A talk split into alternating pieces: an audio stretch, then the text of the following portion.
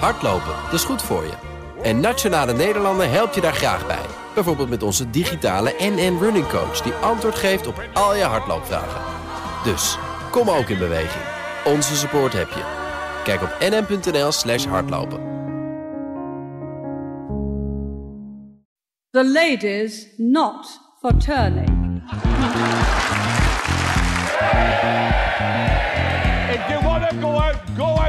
But if you stand again, I'll lord you out. Make your mind up. Are you excited about another election? You're joking. Not another one? Oh, for God's sake, I can't honestly. Je luistert naar Van Beckhovens Britten, een podcast over het belangrijkste nieuws uit het Verenigd Koninkrijk met in Londen Lia van Beckhoven. Ik ben Connor Klerks bij BNR Nieuwsradio in Amsterdam. Dag Lia. Een goedemorgen, Connor. Goedemorgen. Het is de zevende aflevering uh, alweer van Van Beckhovens Britten vandaag. En we zijn weer terug okay. Waar het allemaal begon, namelijk bij aflevering 1. De oorlog tussen Prins Harry, de freelance royal in Montecito, Californië, oh, ja. en de Britse schandaalpers. Want ja, deze week uh, toch wel echt een historisch moment. Stond prins Harry in de rechtbank in Londen voor een verhoor in één van zijn zaken tegen de pers, die tegen de Mirror Group newspapers. Uh, de uitgever van onder andere de Sunday Mirror en de Sunday People. En het gaat allemaal over het vermeend hacken van zijn telefoon, maar ook over blagging. Dat is je voordoen als iemand anders om zo aan privé-informatie te komen. En het oneigenlijk gebruik van privé-detectives. En ja, hij is historisch niet alleen vanwege de omvang van de zaak, maar ook omdat Harry de eerste royal is in ruim 130 jaar die in de rechtbank wordt verhoord. Lia, weet jij uit je hoofd nog wie, uh, wie de vorige was? Nee. Ik heb het even opgezocht. De vorige royal die uh, aan een kruisverhoor werd onderworpen, dat was ja. Edward de zevende. Dat is de zoon Edward van Victoria. Ja. Dus de vader ja. van George de vijfde, de opa van Edward de zevende en George de zesde. En dan dus de overgrootvader van Elizabeth en dus de bedovergrootvader van Harry, als ik het zo goed zeg. Ja, dat is een interessante vent in elk geval.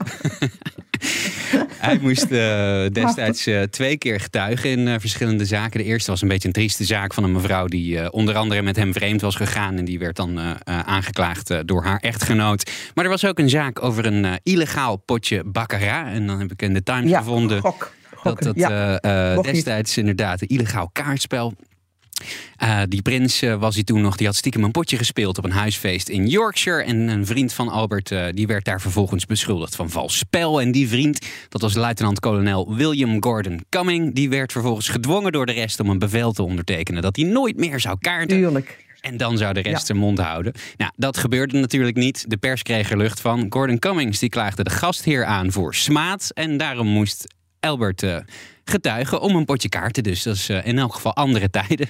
Andere tijden. Albert was ook heel erg nerveus, hè, begrijp ik uit de krantenverslagen ja. uh, uh, van die tijd. Nou, dat was Harry niet, moet ik je zeggen. Hmm. Uh, Harry stond dus gisteren voor het eerst terecht. Nou ja, hij werd in ieder geval verhoord in de getuigenbank. Um, over het feit dat hij de Mirror Group, zoals je zegt, aanklaagt. Um, hij, hij, begon gisteren met 50 pagina getypte getuigenverklaring. Ja over hoe de Britse pers, de Britse tabloids zijn leven verknald heeft. Hè, dat hij vanaf zijn geboorte bespioneerd is. Um, en dat is eigenlijk ook de strekking van zijn verhaal. Um, Harry zei dat hij uh, als kind eigenlijk uh, vervolgd is, achtervolgd is, achterna gezeten is door de tabloids. Ja. Dat er vaak negatieve verhalen over hem gepland zijn, um, dat, uh, gepland zijn. En dat heel veel van die verhalen um, de verhouding bepaalde die hij had met zijn familie en zijn vrienden. Ja. Nou ja, er zijn miljoenen verhalen over hem geschreven. En er zijn volgens hem. Um, in veel van die verhalen dus illegale methodes gebruikt om aan bepaalde informatie te komen. Mhm. Uh, en van 33 zegt hij daar bewijs van te hebben. Uh, te kunnen leveren aan de rechtbank dat die methodes inderdaad illegaal waren. Ja. En dat is de reden waarom die dus nu begonnen is met, uh, met deze zaak, met deze kwestie. Ja, ja, ik moest wel lachen om een zinnetje uit het live-verslag van The Guardian. Want alle kanten doen hier natuurlijk ook uh, uitgebreid verslag ja, van. verslag van. Dat uh. Harry uh, bij aankomst bij de rechtbank voorbij de Haag pers en fotografen liep. Ik dacht, ja, haha.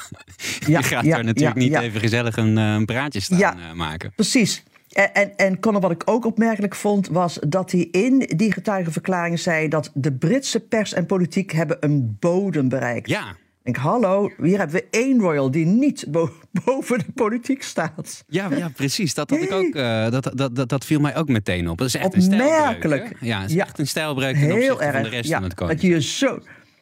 Precies, dat je je zo, ehm, eh, ja, dat je je zo uitspreekt. Maar goed, hij, hij wil dus de Daily Mirror, om te beginnen, hè, de Mirror groep Ja. eh, eh, kranten. Wil die, hij, hij gaat daarna nog eh, twee ehm, grote andere Britse krantenorganisaties te lijf om dezelfde reden, namelijk Mhm. het illegaal verkrijgen van informatie over hem. Ehm, maar hij zegt ook in die getuigenverklaring dat hij de krant aansprakelijk stelt voor, voor de pijn. En hij zegt, en in sommige gevallen de waarschijnlijk onbedoelde dood die ze op hun geweten hebben. En dat is zijn punt. De, de, de, de grote Britse media's die staan overal boven en buiten, zijn erg machtig, hebben veel zeggenschap, maar zijn zelden verantwoordelijk ergens voor. En hij wil ze echt voor het eerst, zegt hij, aansprakelijk stellen. Ja, ja, ja. En in deze, deze eerste dag van het proces was het eigenlijk voornamelijk volgens mij eh, ehm, de advocaat van de kranten die aan het woord was hè, in dit verhoor. Jazeker. En het was, ja, Ja. dat is dan altijd lastig. Eh, ja, rechtbankverslag, dat is echt een ander vak. Want je hoort dan alleen maar de kant natuurlijk van, van, van één kant. En, en mijn gevoel daarbij was wel bij wat ik las dat ik dacht... nou, zo sterk staat hij hier niet in zijn schoenen. Maar de andere kant van het verhaal moet natuurlijk nog komen. Ja, want de verschillende keren zegt die advocaat van de Daily Mirror. Ehm, u zegt, we, hebben- ook geleerd dat Harry aangesproken wil worden. In eerste instantie met eh, koninklijke hoogheid en daarna met prins Harry.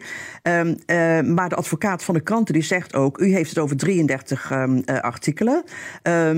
U zegt van al die artikelen dat u kunt aantonen dat er informatie in staat die op illegale manier verkregen is. Heeft u al die artikelen dan, ook al die honderden die u ook noemt in uw verklaring gelezen? Nee, zegt Harry. Ja, waarschijnlijk wel. Hij zegt, maar ja, gelezen. Kijk, sommige dateren van 20 jaar geleden. Ja. Hoe weet u dan dat u, dat u zoveel mentaal letsel heeft opgelopen door wat de kranten schrijven, als u zich die verhalen niet kunt herinneren? Ja. Dus zo gaat het iedere keer. En dan, dan noemt die. ehm, eh, de advocaat, de jurist, noemt één voorbeeld van één verhaal.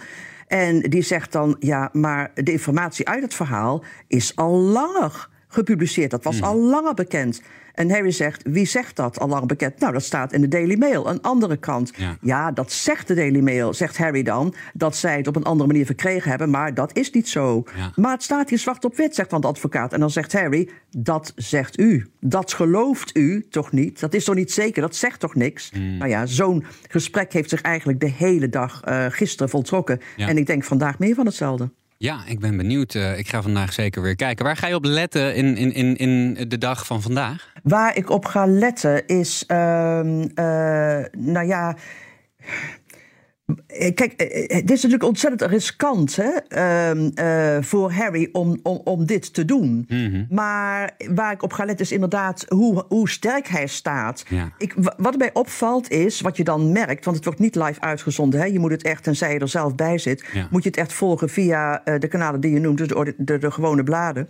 ehm, eh, die er allemaal live verslag van doen. Maar ehm, hem is zeker opgedragen, Harry, door zijn juristen. In godsnaam, man, wind je niet op, maak je niet boos. Ja. Ehm, eh, blijf kalm, want hij schijnt super beleefd te zijn. Hmm. En zo zachtjes te praten, dat regelmatig gezegd moet worden. Kunt u, eh, een mag het een beetje harder, alsjeblieft? Ja, Maar ik, ik, ik vraag me inderdaad, ik, maar ik vind hem vrij, vrij zeker ja. vrij zeker eh, eh, van eh, zijn zaak. Maar het ligt er wel aan als je als rechter zegt van, denkt van, nou, die man denkt dat deze 33 artikelen duidelijk maken dat de kranten op eh, niet wetmatige manier aan informaties over zijn leven zijn gekomen, maar ehm, hij heeft ze niet allemaal gelezen.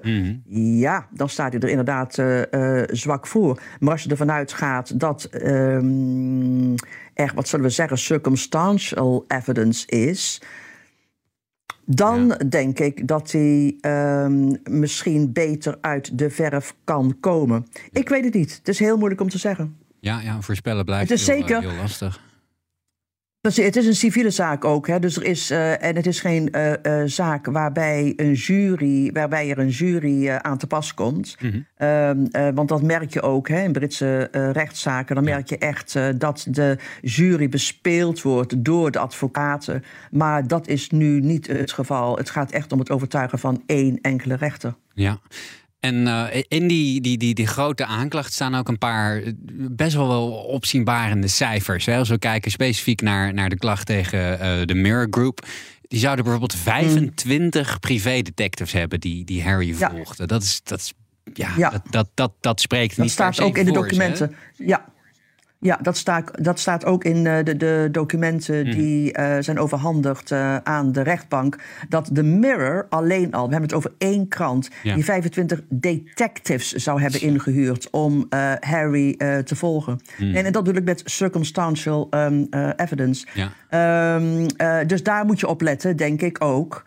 Um, maar kijk, het gaat wat Harry betreft niet alleen om hem. Ja. het gaat wat hem betreft, hij heeft om, ja, zijn levenswerk is de Britse uh, tabloidcultuur um, om zeep te helpen. Om de Britse schandaalkranten te fatsoeneren. Um, uh, en hij zegt het gaat niet alleen om de tabloids die levens verpesten. En niet alleen van uh, rijke, bekende koninklijke lieden als uh, meneer zelf. Maar ook enorme invloed hebben op de politiek. Ja. Um, en hij zegt ja, vreselijk veel slachtoffers gemaakt hebben. Ja, en dat is ook zo. Ik bedoel, The Mirror heeft al 100 miljoen pond uitbetaald aan gedupeerden. Mm En er zijn waarschijnlijk nog veel meer mensen die niet eens weten dat ze destijds zijn afgeluisterd of bestolen of achterna gezeten door uh, zogenaamde privé-detectives of uh, uh, verslaggevers. Ja. En die, als Harry deze zaak zou winnen, bijvoorbeeld, zeker naar voren zullen komen en genoegdoening gaan eisen. Ja, denk je dat? Hoe, hoe zou dan die situatie zich ontwikkelen, denk je? Als stel Harry die, die, die wordt nu in het gelijk gesteld, wat gebeurt er dan? Als hij in het gelijk is, dan gebeurt dit dus. Dan krijg je nog veel meer mensen. Um, ja? voor, ik ben zo'n slachtoffer. Ik weet eigenlijk helemaal niet dat ik in zo'n dossier voorkom. En dan wint, wint, wint Harry. Wat, wat gebeurt er dan? Hoe komt dat dan aan het licht dat ik bijvoorbeeld ook gevolgd ben? Nou, omdat dat in de rechtbank naar voren komt. Ah. Er gaan ontzettend veel verhalen. Kijk, deze zaak gaat weken, maanden duren. Er gaat mm. ontzettend veel verhalen naar voren komen. Alle details over wat er wanneer gebeurd is. Um, wat de kranten nog meer deden en met wie. Um, die gaan gehoord worden. Want mm-hmm. nogmaals, de Britse pers gaat. Um, uh, uh, iedereen aan wie de pers denkt uh, een sappig verhaal te kunnen vinden. Dus het gaat over tv-persoonlijkheden, maar ook over ehm, nabestaanden van slachtoffers bij terreurzaken, terreuraanslagen ja, bijvoorbeeld. Die zijn ook gevolgd. Um, mensen waarvan de Britse pers vermoeden dat ze weet ik veel, connectie hebben met pedofielen of met moordenaars. Ja. De buren daarvan, de grootouders daarvan, de kleinkinderen daarvan. Die zijn allemaal of waren zeker destijds, want deze zaak van Harry gaat vanaf 1995 tot 2011. Dus tot dat moment waren al die mensen potentieel doelwit van de Britse um, pers. En heel veel weten dat niet. Dus als ze nu horen, omdat dat uitkomt in de zaak die Harry heeft aangespannen, dat dat een zaak is, dan, en Harry wint, dan zullen ze zeker uh, te hoop lopen bij. Uh, bij die kranten. Ja, ja, duizenden, precies. weet je Connor, duizenden hebben dat al gedaan. Mm -hmm. Bij de Murdoch-kranten, de Times, The Sun, eh, de News of the World en de Sunday Times... Mm -hmm. um, hebben de afgelopen twaalf jaar 18.500 mensen zich gemeld.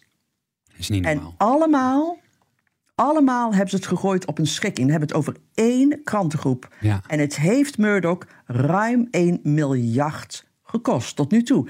En niemand praat over. Er wordt heel weinig aandacht aan besteed. En het is een gigantisch schandaal. Maar je zal er heel weinig over lezen. Ja, dat is toch wel opmerkelijk dat dan zo'n. Ja, een, prins, ja, dat, dat, dat blijft toch wel heel interessant aan dit verhaal. Dat een prins nou de, degene is die. Uh, mm. Dan wordt het een soort, uh, een soort sprookje en weet je waarom? die een lans breekt voor Juist. Te, tegen, dit, tegen dit, soort, dit soort optreden, tegen dit soort wanpraktijken bij, bij die kranten. Precies. En weet je waarom? Omdat Harry um, de twee eigenschappen heeft die nodig zijn om het op te nemen in een rechtbank tegen de pers. En dat is, hij is heel erg overtuigd van zijn eigen gelijk en ehm, eh, totaal gecommitteerd. Ja. En op de tweede plaats, misschien nog wel belangrijker, hij heeft het geld. Ja, ja, ja schat hemeltje rijk. Weet je nog?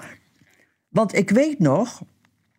In, ik was het vergeten, maar inderdaad, in onze eerste uitzending ehm, hebben we het gehad over eh Sienna Miller. Mm. Ja. Weet je nog? Toen we het Ja, hierover zeker. hadden. Ehm, en dat is die eh, acteur die, ik geloof, een, vorig jaar. Ehm, eh, met tranen in de stem. Oké, het is een acteur, maar toch, ik denk wel dat ze het meende. ehm, eh, zei dat ze helaas haar zaak moest intrekken. Ehm, omdat, en het op een akkoordje moest gooien met de krant. En ze had echt hele goede aanwijzingen dat de San haar gehackt had, Ja. omdat ze het niet kon betalen. Ja. Ja, en dat, En dat is het probleem. Daarom zijn al die zaken op den duur op een akkoordje gegooid, omdat het fantastisch duur is in het Verenigd Koninkrijk om een smaadzaak aan te spannen en te winnen. Ja, ja, ja. En dat, dat, ja, die Sienna Miller, dat is echt. Ik denk dat de meeste mensen er wel kennen, maar dat is echt geen, eh, geen B-acteur of zo. Dat is echt gewoon iemand met, eh, met, met genoeg op de bank. Hey, wat zou het voor eh, eh, de, de, de, de, wat zou het voor Harry en de pers betekenen als hij deze zaak verliest? Ehm, als hij deze zaak verliest. Nou ja, ik denk dat Harry zijn gezicht bijna dan niet meer kan laten zien in het Verenigd Koninkrijk. Ehm, ehm, zijn vader heeft ook altijd tegen hem gezegd: Doe dit nu niet, Harry, eh, darling boy. Doe dit nu niet, want je kunt het tegen de Britse pers niet winnen. En William is afgekocht. Ehm, ook weer volgens de documenten die nu dus in de rechtbank liggen. Ehm, eh, William eh, is ook gehackt en heeft op een akkoordje gegooid met de Britse pers in ruil voor 1 miljoen. Ja. En ehm, eh, voor het feit dat de pers zich daarom rustig houdt. Maar ik denk als Harry verliest.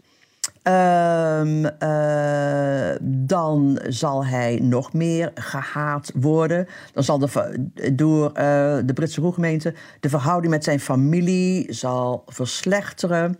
Eh, het gaat me natuurlijk fantastisch veel geld kosten. En ik denk ook reputatie. Ja.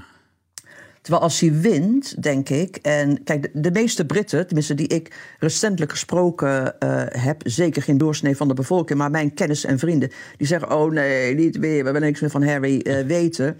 Maar ik denk dat het belangrijker is. Je moet even door het feit kijken dat hij een, eh, een prins is. En je moet kijken, denk ik, wat hij wil bewerkstelligen. Ja. En hoe de pers in zijn werk gaat. Ja, en hij, vanuit zijn optiek is het interessant om te, de, de Britten te laten weten: eh zover gaat de pers. Dit doen ze allemaal. Ja. En ze doen het grotendeels ongestraft. Dus als hij verliest en hij zou dit boven tafel weten te krijgen, en een soort van bewustwording, hè, die er is, maar latent, duidelijker maken. Dan, en hij zou, want dit gaat fantastisch veel kosten, ook al verliest hij. En hij zou eh, de Daily Mirror in dit eh, geval financieel een poot uitdraaien. Nou, dan kun je zeggen dat hij toch wel een deel eh, van de zaak gewonnen heeft. Ja, ja. Ja, ik vond dat iets, iets heel, er zat iets heel interessants in wat je zei. Want het is natuurlijk ook. Ik kan me voorstellen dat een hoop Britten eh, eh, best wel Harry en Harry en Meghan moe zijn. Maar dat is natuurlijk niet zijn schuld dat hij zoveel ontelbare duizenden keren in de krant heeft gestaan. Nee, maar je kunt zeggen, zoals de rest van zijn familie doet... nou, we gooien het op een, een, akkoordje met eh, de tabloids. Ja. Hè? ehm, eh, we zorgen dat we ze te vriend houden door ze uit te nodigen. Ik bedoel, Camilla luncht met mensen als Piers Morgan... en dat doet ze echt niet omdat ze helemaal weg is van die man. Maar ze doet dat omdat ze het belangrijk vindt... dat ze eh, een, een ehm, eh, positieve berichtgeving Ja. krijgt. Ja. Ehm, de- en, en Harry, Harry is boos en Harry is getraumatiseerd. Denk ik. Tenminste, dat, die indruk heb ik. Ja. Ehm, en nog steeds over wat er destijds gebeurde toen zijn moeder overleed, hè, toen hij 12 was. Ja. Ehm, 11 of 12. Eh, en Harry wil wraak. Ja. Harry wil zich wreken voor de dood van zijn moeder, waar hij toen ja, niets aan kon doen. En dat gebeurde toch. Eh, en dit is zijn kans. Hmm. En daarom doet hij het. En echt, eh, dit is eh, roekeloos bijna, maar het is zeker riskant. Maar ehm, het kan hem niks schelen. Hij gaat ervoor en het, het moet. Hij ziet het ook een beetje, denk ik, als een, ja, als een plicht, als een kruistocht. Ja, ja, zeker. En je noemde Piers Morgan. Dat is een opmerkelijke naam in dit verhaal. Want Ehm, deze zaak is zo groot dat zelfs in, in, in eigenlijk bijna willekeurige podcasts die ik luister, komt het naar voren. Zoals hoorde ik laatst Alistair Campbell, de oude communicatiechef van eh, Tony Blair, nog zeggen dat hij ook getuigd had. Ehm, maar er is één persoon die niet op komt dagen voor dit alles. En dat is de toenmalige baas van uh, The Mirror. En dat is Piers Morgan, hè? Ja, hoofdredacteur. Ja. Ja. Onder andere van The Mirror, inderdaad. Inderdaad, een van 's werelds best betaalde journalisten. eh, bekend ook in de Verenigde Staten. Eh, nog steeds een mediapersoonlijkheid. Ja. Eh, Ja, hier hij denk heeft ik altijd ontkend. eh, van eh, eh, Britain's Got Talent, denk ik. Ja, altijd ontkend eh, dat hij betrokken was bij het hacken van telefoons. Ehm, eh, onder zijn eh, leiderschap eh, van de Daily Mirror had je inderdaad ook die 25 privé-detectives... die zijn uitgezet om, eh, of zouden uitgezet zijn om Harry te bespioneren. Maar, zegt Morgan dan, niks mee te maken. Eh, Dat weet ik, heb ik helemaal geen idee. Ik, ik werk met honderden redacteuren en Ja. wat die allemaal doen, ik heb geen idee. Maar goed, Ja. Harry beweert dus dat onder zijn leiding... dat zei hij gisteren ook, gesprekken van zijn moeder zijn afgeluisterd. Hmm. Gesprekken met een, eh, destijds een zieke, eh, dat was in 1997, met een zieke Britse eh, televisiester. Die zat in een verslavingskliniek. Eh, Diana wilde die man helpen. Eh, ze bezocht hem, eh, Michael Barrymore, Ja. een aantal keren. Totdat informatie over haar bezoeken gepubliceerd werden in The Mirror. Nou, Diana zou zich daar zo diep voor geschaamd hebben... Hè, dat ze, ik geloof, drie brieven schreef aan eh die Barrymore... en haar excuses aanbood en zo. Ja. Ehm, eh, maar Morgan zelf, natuurlijk weet hij daar helemaal niets van... maar hij zal zeker niet getuigen. Ehm, eh, ik denk dat hij het net zoals iedereen de zaak volgt vanaf de zijlijn. Hè? De, de advocaten van de Mirror die... die, die die strijden de strijd, die, die leveren het gevecht eh, tegen Harry namens hem. Ja. Ehm, maar weet je, vertegenwoordigers van de Mirror... eh, die hebben al gezegd dat artikelen onder zijn leiding... op een illegale manier eh, verkregen zijn. En een aantal van zijn redacteuren en onderzoekers zijn destijds eh, gearresteerd. Maar ehm, de man zelf, Piers Morgan, heeft altijd ontkend. Ja, en tot op de dag van vandaag is hij een van de grootste eh criticasters op, op Harry en vooral Harry en Meghan. Hè? Daarom juist. Keer op keer op keer. Ja, dat zei Harry ook in de rechtszaal, precies. Ja, dat zei Harry ook in de rechtszaal. Harry zei gisteren, ehm, eh, want hij noemde Piers Morgan bij naam. En hij zegt, omdat Harry eh, op tv en in de pers en waar hij maar kan... ehm, ehm, eh, het heeft over deze zaak... dat dat de reden is waarom Piers Morgan de frontale aanval geopend heeft... tegen hem en tegen Meghan Markle als Ja. wraak. Of, zegt Harry, even kijken, hij had het opgeschreven. Ehm, oh ja, letterlijk zegt Harry. Of in de hoop dat ik alsnog afzie van deze rechtszaak. Dus ehm, eh, hoor ik je vragen, waarom daagt niemand eh, die eh Piers Morgan, weet je wel, voor de rechter? Hè? Omdat hij toch verdacht is, op zijn minst in deze. Maar het punt is. Eh, Harry pro- probeert het dus via deze zaak, maar andere Britten niet, omdat onder de Britse smaadwet het enorm moeilijk is om mensen uit te dagen. Het is niet alleen enorm duur, wat we net zeiden, maar je loopt al meteen aan tegen regel 36. En dat betekent dat als jij ehm, eh, gedupeerd bent, of je voelt dat je dat bent, je gaat naar een tabloid en die tabloid zegt eh, na veel wikken en wegen, oké, u heeft gelijk, weet u wat, als wij bieden u 1 miljoen en eh, dan praten we nergens meer over. Ja. U mag daar niet over spreken verder. Hè? Een non-disclosure agreement wordt getekend. Wij bieden u 1 miljoen. Ehm, maar als je zegt nee, dat wijs ik af. Ik wil niet 1 miljoen. Ik wil per se toch in de rechtbank. Ik wil hier rugbaarheid aangeven. Ja. En stel je wint dan dat proces tegen die krant. Maar de rechter bes- eh, die, die zet jouw schadevergoeding neer op 950.000. Dan, ook al heb je dan gewonnen, dan moet jij de kosten betalen van de tegenpartij. Jongen. En dat is het probleem. Dan moet jij je huizen daarvoor verkopen... Hè, om, om advocaten van de tegenpartij te vergoeden. Mensen waar je een bloedhekel aan hebt. Ja. Mensen doen dat niet. Die hebben dat geld er niet voor. Het is zo. En, en dat is ook het grote... Dat is ook het grote probleem. De rechtbank, eerlijk gezegd, ik zei je net... alleen al ehm, de Murdoch, de Murdoch-pers... alleen al de bladen van eh, Rupert Murdoch in het Verenigd Koninkrijk...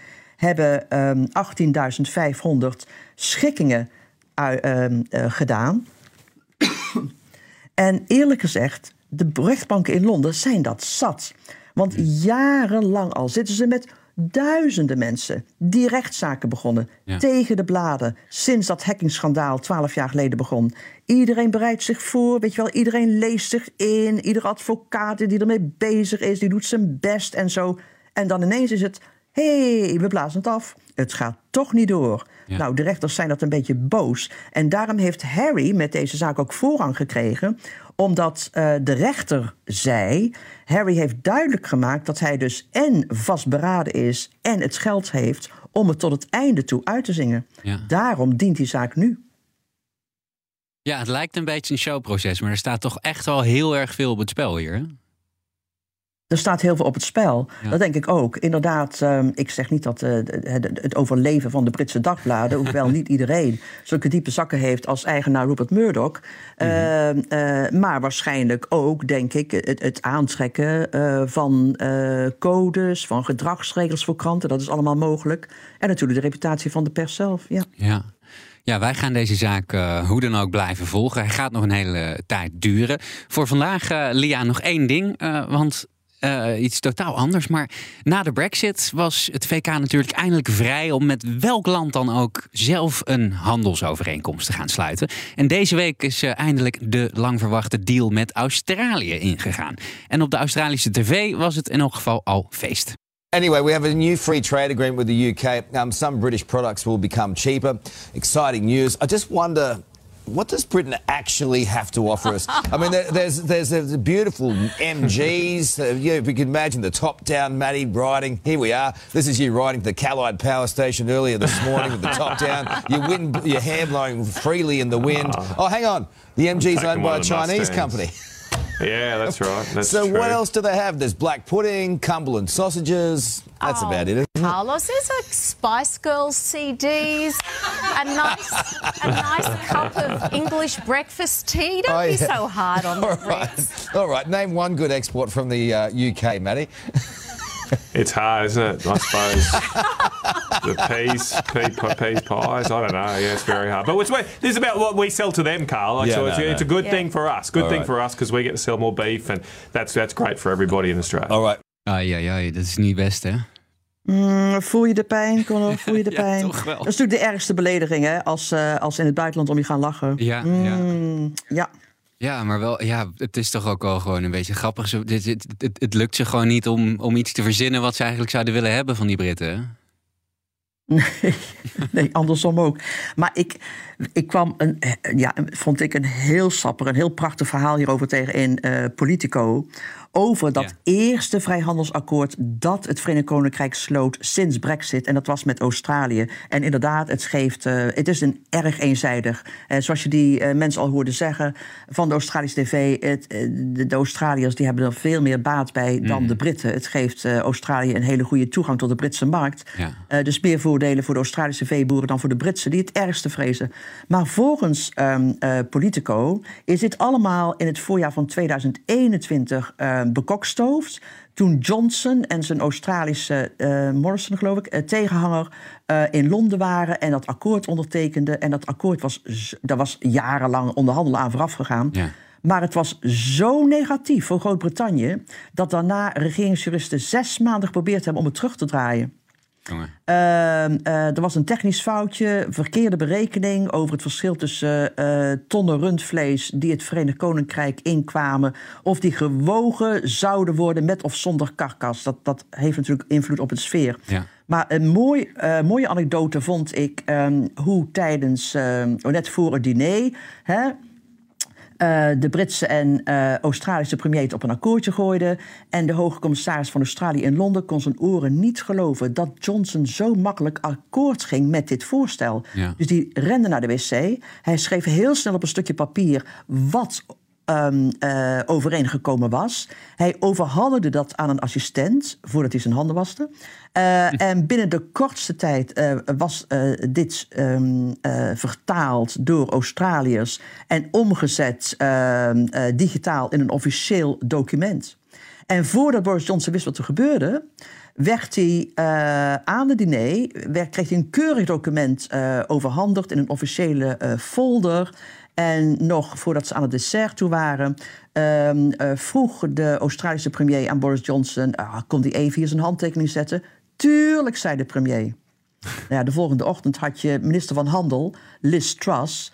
Eh, die die, die, eh, werd verteld eh, wat de avond daarvoor gebeurd was. En zij was woedend, omdat Londen, dus veel meer concessies gedaan had dan nodig. Truss wilde de onderhandelingen opnieuw opengooien. De Australische premier zei over mijn lijk. Ja.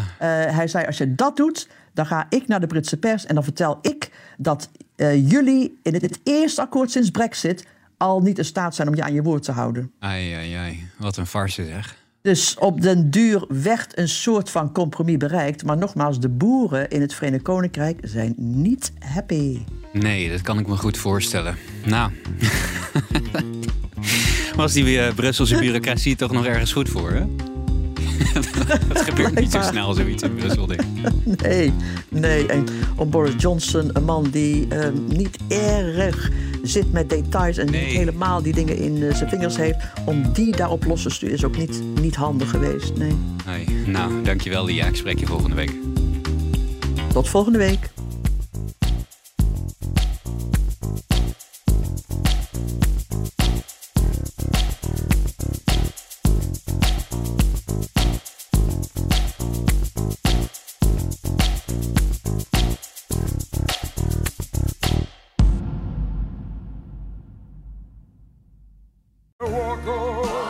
Hardlopen, dat is goed voor je. En Nationale Nederlanden helpt je daar graag bij. Bijvoorbeeld met onze digitale NN Running Coach... die antwoord geeft op al je hardloopvragen. Dus, kom ook in beweging. Onze support heb je. Kijk op nn.nl slash hardlopen.